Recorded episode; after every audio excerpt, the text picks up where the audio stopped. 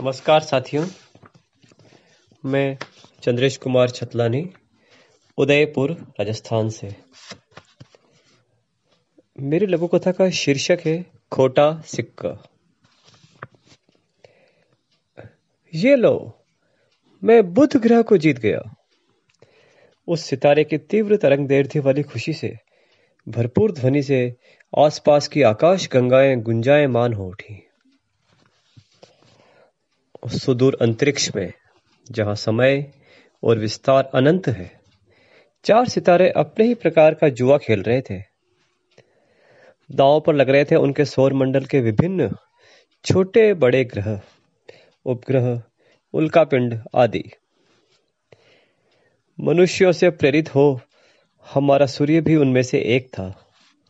हालाँकि उस समय उसका समय सही नहीं था। वह लगातार हार रहा था। शनि के वलय, मंगल का सबसे ऊँचा पर्वत, बृहस्पति का एक चंद्रमा हारने के बाद उसने कुछ बड़ा जीतने की उम्मीद में बुद्ध को दांव पे लगा दिया। लेकिन जब समय साथ नहीं देता तो बड़े से बड़े ऊर्जावान का सक्रिय मस्तिष्क भी वक्रिय हो जाता है। और खेल खेल में ही दूसरे सितारे ने बुद्ध को भी जीत लिया।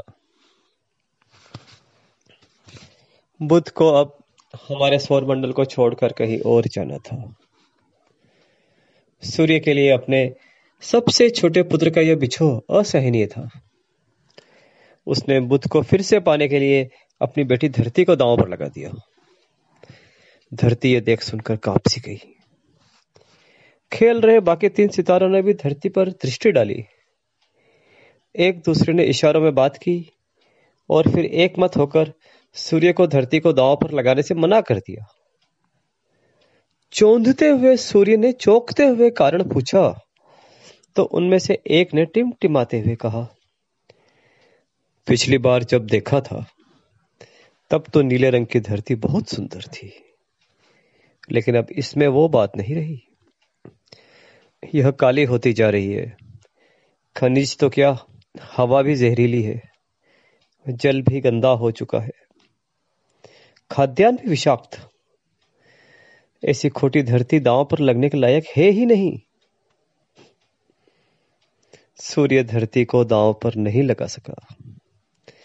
और धरती ने सौर वायु से चैन की सांस लेते हुए मानवों का शुक्र अदा किया।